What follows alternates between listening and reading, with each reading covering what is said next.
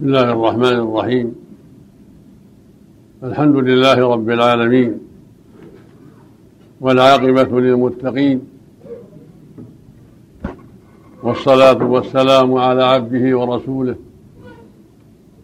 وصفوته من خلقه وأمينه على وحيه. إمامنا وسيدنا محمد بن عبد الله وعلى آله وأصحابه ومن تبعهم بإحسان إلى يوم الدين. أما بعد فإني أشكر الله عز وجل على ما من به من هذا اللقاء بإخوة في الله وأبناء كرام في هذه الدار المباركة دار الحديث الخيرية. وأسأل الله عز وجل أن يجعله لقاء مباركا وأن يبارك في هذه الدار والقائمين عليها والمدرسين فيها والطلبة والموظفين وأن يجعلنا وإياهم هداة مهتدين. ثم أشكر لإخواني القائمين على هذه الدار كلمتهم المباركة وترحيبهم وأسأل الله يجعلنا جميعا من الهداة المهتدين ومن الصالحين المصلحين. قد قال أخونا فضيلة الشيخ صلاح كلمته التي سمعتم جزاه الله خيرا وبارك فيه ولي عليها ملاحظة وهي قوله قامت بجهوده فكان ينبغي أن يقول بالله ثم بجهوده وجهود العاملين معه بالله ثم بجهود ما نحن إلا جنود في سبيل الله عز وجل. نرجو عونه وتوفيقه وهدايته. فهذه الدار المباركة قامت قديما وحديثا بالله جل وعلا وجوده وكرمه وإحسانه ثم بجود العاملين الموفقين.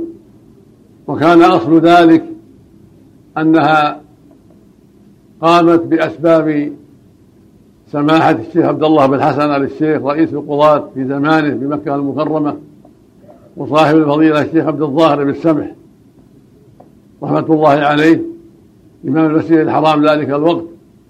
كان تقدم إلى جلالة الملك عبد العزيز رحمه الله وطلب فتح هذه الدار لتدريس الحديث الشريف والعقيدة السلفية والقرآن الكريم. فوافق رحمه الله على ذلك في عام ألف وثلاثمائة واثنتين وخمسين سنة. لها الآن ما يقارب الستين ستين عاما. فتحت بحمد الله على أساس متين وعلى قاعدة جليلة وعلى مقصد صالح. وذلك هو العناية بكتاب الله وسنة رسوله عليه الصلاة والسلام وتدريس العقيدة السلفية في أم القرى. فجزى الله جميعا ذلك خيرا وضاعف حسناتهم ورفع درجاتهم في المهديين جميعا. وقد نفع الله بها نفعا كبيرا وتخرج منها جم غفير. في عهد الشيخ عبد الظاهر ومن بعده كالشيخ محمد عبد الرزاق حمزة وغيرهم من الإخوان الذين عملوا فيها ودرسوا. تخرج منها جم غفير نفع الله بهم في إفريقيا وغيرها ولم ولم تزل بحمد الله تخرج الدعاة إلى الله والموجهين إليه والمعلمين والمرشدين إلى عصرنا هذا. ونفع الله بها كثيرا وهدى بها كثيرا. فنسأل الله أن يمن باستمرارها على هذا الخير العظيم وأن يزيدها من فضله عز وجل وأن يوفق القائمين عليها لكل خير وأن يجعلهم هداة مهتدين وصالحين مصلحين وأن يزيدهم مدرسين وطلابا وموظفين. نسأل الله يزيدهم من العلم والفضل والتوفيق والهداية. وأن يصلح أقوالهم وأعمالهم وقلوبهم وأن جميعا من دعاة الهدى وأنصار الحق حتى نلقاه سبحانه. أما كلمتي فعنوانها بيان فضل العلم وفضل حملته. العلم لا يخفى على الجميع. شأنه العظيم وفضله الكبير. والله جل وعلا إنما خلق الخلق ليعبدوه ويعظموه بطاعة أوامره وترك نواهيه والوقوف عند حدوده والدعوة إلى سبيله. كما قال جل وعلا وما خلقت الجن والإنس إلا ليعبدون. ما أريد منهم من رزق وما أريد أن يطعمون. إن الله هو الرزاق ذو القوة المتين.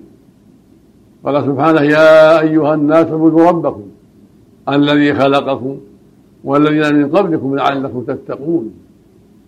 قال عز وجل وما أمروا إلا ليعبدوا الله مخلصين له الدين حنفاء. في آيات كثيرات أمر فيها سبحانه بعبادته وبين جل وعلا أن العباد لهذا خلقوا وبه أمروا. فالجن والإنس خلقا ليعبد الله جل وعلا. وبذلك أمرهم سبحانه. يا أيها الناس اعبدوا ربكم. وقضى ربك ألا تعبدوا إلا إياه. واعبدوا الله ولا تشركوا به شيئا. وما أمروا إلا ليعبدوا الله مخلصين له الدين حنفاء إلى غير ذلك. فالثقلان كلاهما خلق ليعبد ربه وكلاهما مأمور بذلك مأمور بأن يعبد الله. ولا سبيل إلى تحقيق هذه العبادة ومعرفة تفاصيلها وأدائها كما أمر الله إلا بالله ثم بالعلم النافع والبصيرة النافذة. وذلك إنما يكون من كتاب الله وسنة الرسول عليه الصلاة والسلام. فمن أراد أن يعبد ربه كما أمر فعليه بالعلم النافع عليه بالتعلم والتبصر وذلك بالعناية بكتاب الله تلاوة وتدبرا وتعقلا وحفظا لما تيسر منه وبالعناية أيضا بسنة الرسول صلى الله عليه وسلم حفظا وتفهما وتعقلا ومذاكرة وسؤالا لأهل العلم عما أشكل من الكتاب والسنة. مع العناية بالأصول المعتمد عليها من أصول الفقه ومصطلح الحديث فإن هذا هو السبيل والوسيلة إلى التفقه والتفهم في آيات الكتاب العزيز والسنة المطهرة. وأهم ما يكون في ذلك العناية بالعقيدة التي دل عليها كتاب الله وسنة الرسول عليه الصلاة والسلام. وأن يفهمها جيدا كما فهمها أصحاب النبي صلى الله عليه وسلم من نبيهم عليه الصلاة والسلام. وكما فهمها السلف الصالح بكتاب ربهم وسنة نبيهم وما جاء عن صحابة نبيهم رضي الله عنهم وأرضاهم. وذلك بتوحيد الله. وإخلاص العبادة له سبحانه وتعالى دون كل ما سواه. والإيمان بأن ذلك هو أصل الدين وأساس الملة. وأنه سبحانه هو المستحق لأن يعبد جل وعلا دون كل ما سواه. وأن ما عبده الناس من دون الله من أنبياء وأولياء أو ملائكة أو أصنام أو أشجار أو أحجار أو كواكب أو غير ذلك كله معبود بالباطل. كما قال عز وجل ذلك بأن الله هو الحق وأن ما يدعون من دونه هو الباطل. فالعبادة حق الله ليس لغيره فيها حق. فاعبد الله مخلصا له الدين ألا لله الدين الخالص. وما أمروا إلا ليعبدوا الله مخلصين له الدين. فادعوا الله مخلصين له الدين ولو كره الكافرون. وقد أجمعت الرسل على هذا الأمر. كلها جاءت بهذا الأمر. كلهم بعثوا ليدعوا الناس إلى هذه العقيدة العظيمة إلى أن يعبدوا الله وحده ويتركوا عبادة ما سواه. قال تعالى ولقد بعثنا في كل أمة رسولا أن يعبدوا الله واجتنبوا الطاغوت. قال سبحانه وما أرسلنا من قبلك من رسول إلا نوحي إليه أنه لا إله إلا أنا فاعبدون. فالله أرسله جميعا من أولهم إلى آخرهم من أولهم نوح إلى آخرهم محمد عليه الصلاة والسلام. كلهم مرسلوا ليدعو الناس إلى توحيد الله وطاعته والقيام بحقه وترك الإشراك به وترك معاصيه والوقوف عند حدوده. وهكذا أبونا آدم عليه الصلاة والسلام ووحي إليه بذلك وعلم ذلك وسار على ذلك وذريته. عشرة قرون كلهم على التوحيد. وإنما وقع الشرك في قوم نوح بسبب غلوهم في الصالحين. ود وسواع ويغوث ويعوق ونسر. فلما وقع الشرك في قوم نوح أرسل الله إليهم نوحا عليه الصلاة والسلام. وكان أول رسول أرسله الله إلى الأرض بعدما وقع فيها الشرك. ثم لم تزل الرسل تترى حتى ختمهم الله بإمامهم ومقدمهم وأفضلهم نبينا محمد عليه الصلاة والسلام. كما قال تعالى ما كان محمد أبا أحد من رجالكم ولكن رسول الله وخاتم النبيين. وكلهم يدعون الناس إلى توحيد الله. كلهم بلغوا رسالات الله. كلهم أوضحوا ما بعثهم الله به. كلهم أدوا الأمانة عليهم الصلاة والسلام. فالواجب على أهل العلم وعلى طلبة العلم أن يعنوا بهذا الأمر. العالم أن يبين هذا الأصل الأصيل وعلى الطالب أن يعنى بهذا الأصل الأصيل قبل كل شيء وأن يفهمه جيدا وأن يكون على بصيرة بهذه العقيدة العظيمة وهي إخلاص العبادة لله وحده وترك العبادة ما سواه والإيمان بأن هذا هو الحق هو دين الله وأن ما يفعله غالب الخلق من التعلق على غيره من أصنام أو أوثان أو أنبياء أو أولياء أو ملائكة أو غيرهم أن هذا هو الشرك الأكبر. وعبادة غير الله هو الباطل. فدعوة الأموات والاستغاثة بالأموات والندعو لهم والذبح لهم أو بالكواكب أو بالأصنام أو بالأشجار أو بالأحجار أو بالملائكة. هذا هو شرك المشركين. هذا هو الشرك الذي قال الله فيه إن الشرك لظلم عظيم. وقال فيه سبحانه ولو أشركوا لحبط عنهم ما كانوا يعملون وقال فيه عز وجل ولقد أوحي إليك وإلى الذين من قبلك لئن أشركت ليحبطن عملك ولتكونن من الخاسرين. وهو الذي وقعت فيه الأمم من عهد نوح إلى عهد نبينا محمد عليه الصلاة والسلام. وقعوا في هذا الشرك الوخيم والذنب العظيم. ولهذا أرسل الله الرسل لدعوتهم إلى توحيده والإخلاص له وإلى إخراجهم من الظلمات إلى النور. وكانت العرب على هذا الشرك هذا البلاء. إلا أفرادا قليلين بقوا على الحنيفية التي بعث الله بها إبراهيم. ماتوا في ماتوا أكثرهم ماتوا في الجاهلية.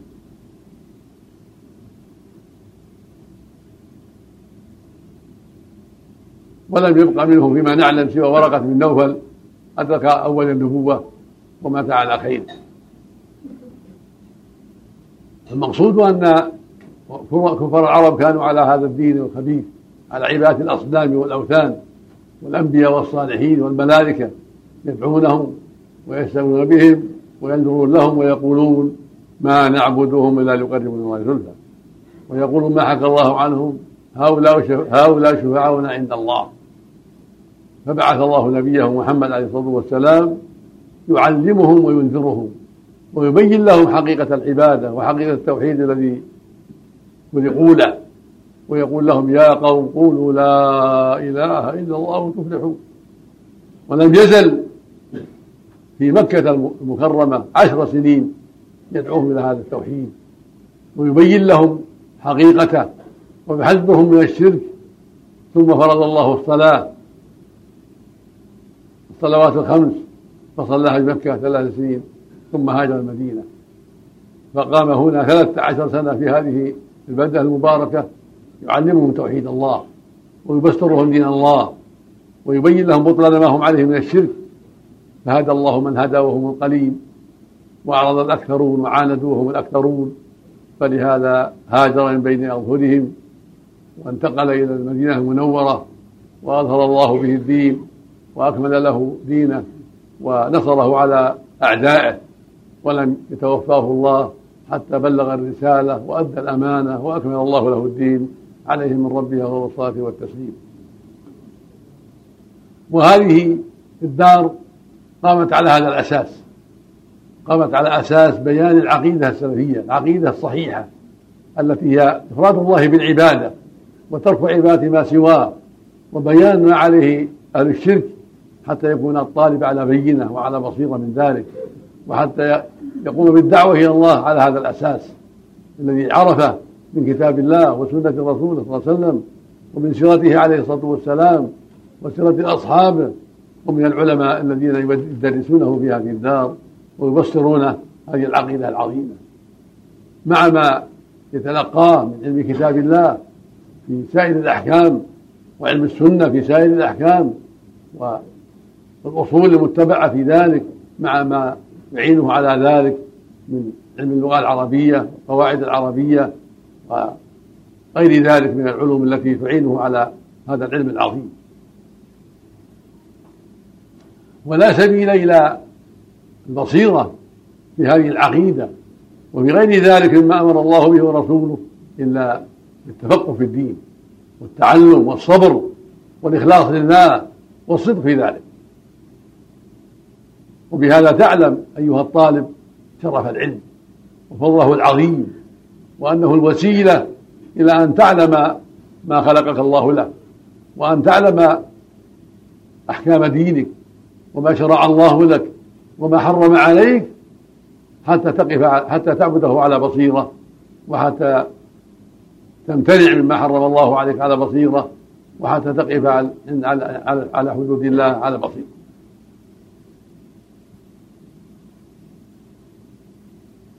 وقد وقد ورد في الكتاب العزيز والسنة المطهرة في فضل العلم والعلماء شيء كثير. ومن ذلك قوله جل وعلا شهد الله أنه لا إله إلا هو والملائكة أولو العلم وأيضا بالقسط لا إله إلا هو العليم الحكيم. فاستشهد أهل العلم مع الملائكة على توحيده. وأخبر أنهم يشهدون بذلك. وما ذلك إلا لما أعطاهم الله من العلم والبصيرة حتى شهدوا لربهم بالوحدانية وأنه لله الحق وهؤلاء هم أهل العلم بالله أهل البصيرة أهل العلم بكتبه وما جاءت به رسله هم الذين شهدوا له بالوحدانية. لا علماء الكلام وعلماء السياسة وعلماء الحساب وعلماء الجغرافيا وما أشبه ذلك. هؤلاء هم العلماء بالله وبدينه وبكتبه وبسنة رسله. وعلى رأسهم نبينا محمد صلى الله عليه وسلم وعلماء أمته فهو أفضل الأنبياء وهذه الأمة أفضل الأمم وعلماءه أفضل العلماء الذين أقاموا دين الله واستقاموا عليه وعلموه الناس وعملوا به.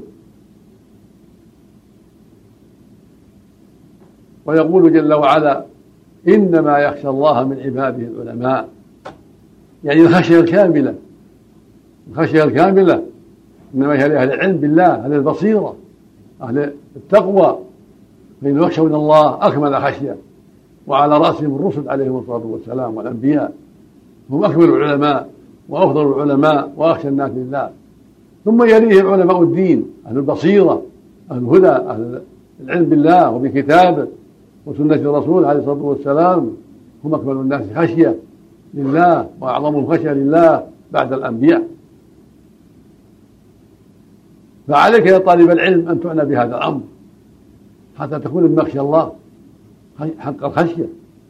ومعلوم أن كل مسلم وكل مؤمن يخشى الله ويخافه ولكن خشية الأنبياء والرسل والعلماء فوق ذلك وأكمل من ذلك. وكلما زاد العلم بالله وبدينه زاد الخشية لله وزاد الخوف منه سبحانه وزاد كمال العمل. ويقول جل وعلا يا أيها الذين آمنوا إذا قيل لكم فاستهوا في المجالس فاستهوا يفتح الله لكم. وإذا قيل انشزوا فانشزوا يرفع الله الذين آمنوا منكم والذين أوتوا العلم درجات. فالله يرفع أهل العلم درجات بأعمالهم الصالحة بتقواهم لله. ومن ذلك التفسح في المجالس والارتفاع عن الأماكن الذي التي يحتاج إلى التحول عنها. لأمر شرعي ومصلحة شرعية. يشد يرتفع يعني عن المكان لمصلحة تقتضي ذلك. فالعالم هو الذي يمتثل أمر الله وينقاد لشرع الله ويعلم عباد الله ويسارع إلى الخير فيكون أسرع الناس إلى العمل وأبعدهم عن المنهيات. هكذا يكون العالم بالله هكذا يكون العالم بدين الله. يتفقه في الدين ويتعلم ويسارع إلى كل خير ويتباعد عن كل شر ويكون قدوة صالحة في أقواله وأعماله وسيرته.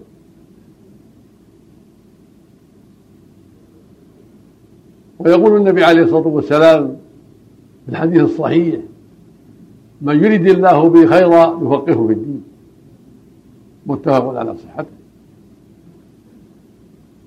فمن علامات التوفيق وأن الله أراد بالعبد خيرا أن يفقهه في الدين وأن يتعلم ويتبصر ويشارك أهل الخير. هكذا يكون طالب النجاة والراغب فيما عند الله يتفقه في الدين ويتعلم ويتحرى حلقات العلم النافع المفيد في الدور في دور العلم وفي المساجد وفي كل مكان. هكذا طالب العلم على الحقيقة يطلبه أين وجده؟ في المسجد وفي المدرسة وفي الخيمة وفي الطائرة وفي السيارة وفي القطار وفي البر وفي البحر وفي كل مكان. أينما وجد العلم النافع؟ طلبه وأخذه. وهذه العلامة العظيمة الدالة على أن الله أراد به خيرا. من يريد الله به خيرا يفقهه في الدين. والعلم بالتعلم. ولهذا يقول صلى الله عليه وسلم في الحديث الصحيح من سلك طريقا يلتمس فيه علما سهل الله له به طريقا إلى الجنة. فالتماس العلم وطلبه والتفقه في الدين من أعظم الأسباب لمعرفة الله حق المعرفة ومعرفة دينه حق المعرفة ومن أسباب دخول الجنة والنجاة من النار. ووصيتي للجميع ولنفسي تقوى الله جل وعلا. والجد في طلب العلم والتفقه في الدين. أينما كنت؟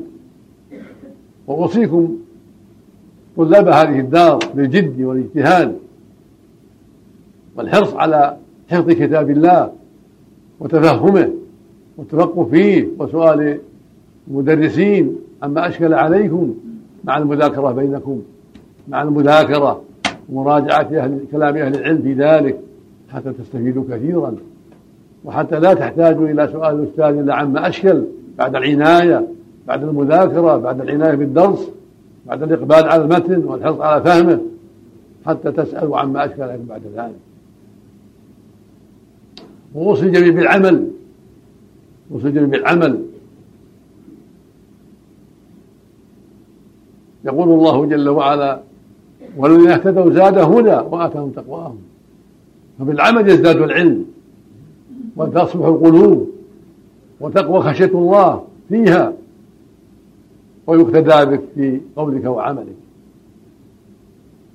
ويقول بعض السلف رحمة الله عليه من عمل بما علم أورثه الله علم ما لم يعلم. والآية الكريمة التي سبقت تدل على ذلك. يقول سبحانه والذين اهتدوا زادهم هدى وآتاهم تقواهم. ويقول جل وعلا ويزن الله الذين اهتدوا هدى. فأنت بطلب علم والتفقه في الدين والجد والنشاط والمواصلة وبالعمل الصالح والجد في ذلك يزيدك الله علما إلى علمك وهدى إلى هداك وتوفيقا إلى توفيقك ويكون ذلك من أسباب نجاتك وسعادتك في الدنيا والآخرة.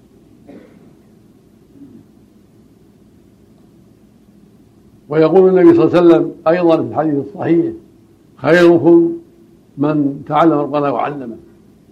تعلم القرآن هو الأساس المتين.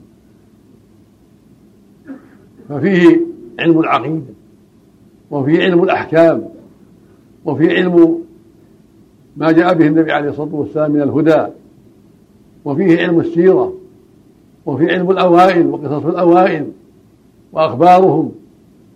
وأخبار الناجين وأخبار الهالكين وفيه أخبار الجنة والنار وصفات أهل الجنة وصفات أهل النار. كل خير فيه. إن هذا القرآن يهدي للتي هي قل هو للذين آمنوا هدى وشفاء.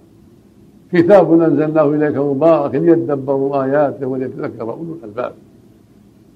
ويقول النبي صلى الله عليه وسلم اقرأوا هذا القرآن فإنه يأتيه يوم القيامة شفيعا لأصحابه.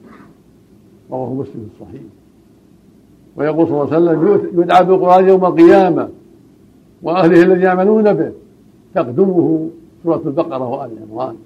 كأنهما غمامتان أو غيايتان أو فرقان من طير صواف تحاجان عن أصحابهم أو كما قال عليه الصلاة والسلام.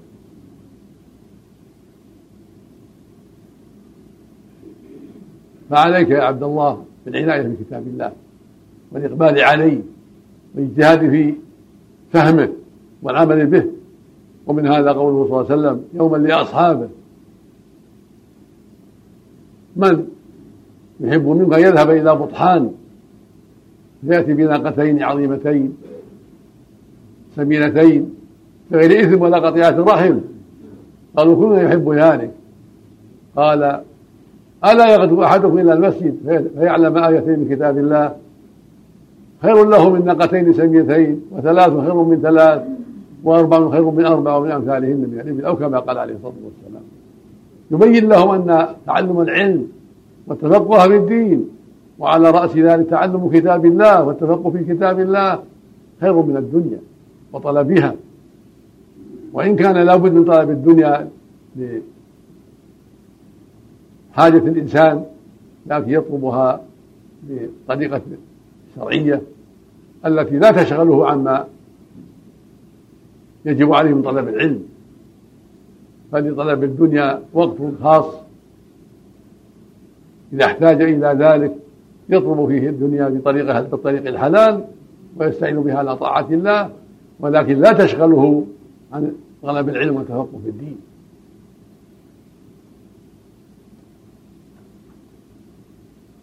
فطلب العلم والتفقه في الدين من أعظم نعم الله ومن أفضل القربات وهو الوسيلة إلى فقه الإنسان فيما خلق له ومعرفته لما خلق له من توحيد الله وطاعته وما أوجب عليه وما حرم عليه وما يشرع له وما يكره له.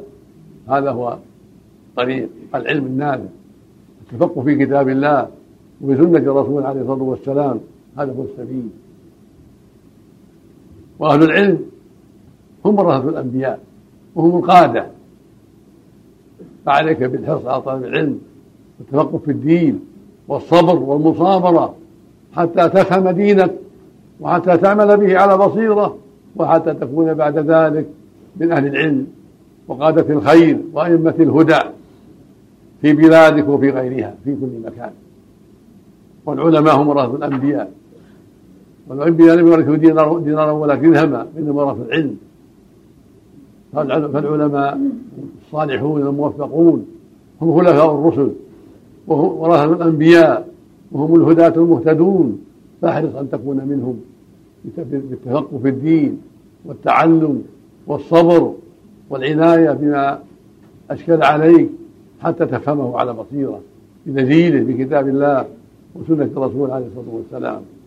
وإياك والملل وإياك والكسل وإياك وإضاعة الوقت.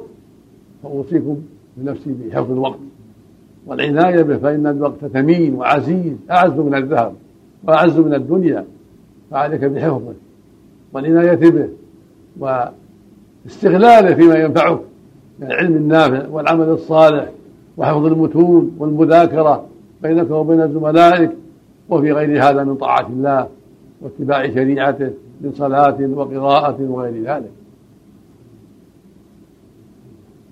أسأل الله بأسمائه الحسنى وصفاته العلى أن يوفقنا وإياكم للعلم النافع والعمل الصالح وأن يمنحنا وإياكم الفقه في دينه والثبات عليه وأن يعيدنا وإياكم من شرور أنفسنا وسيئات أعمالنا. كما أسأله سبحانه يبارك في هذه الدار والقائمين عليها كما بارك في أصلها وما مضى منها ويجعل بركة مستمرة باقية فيها إلى يوم القيامة.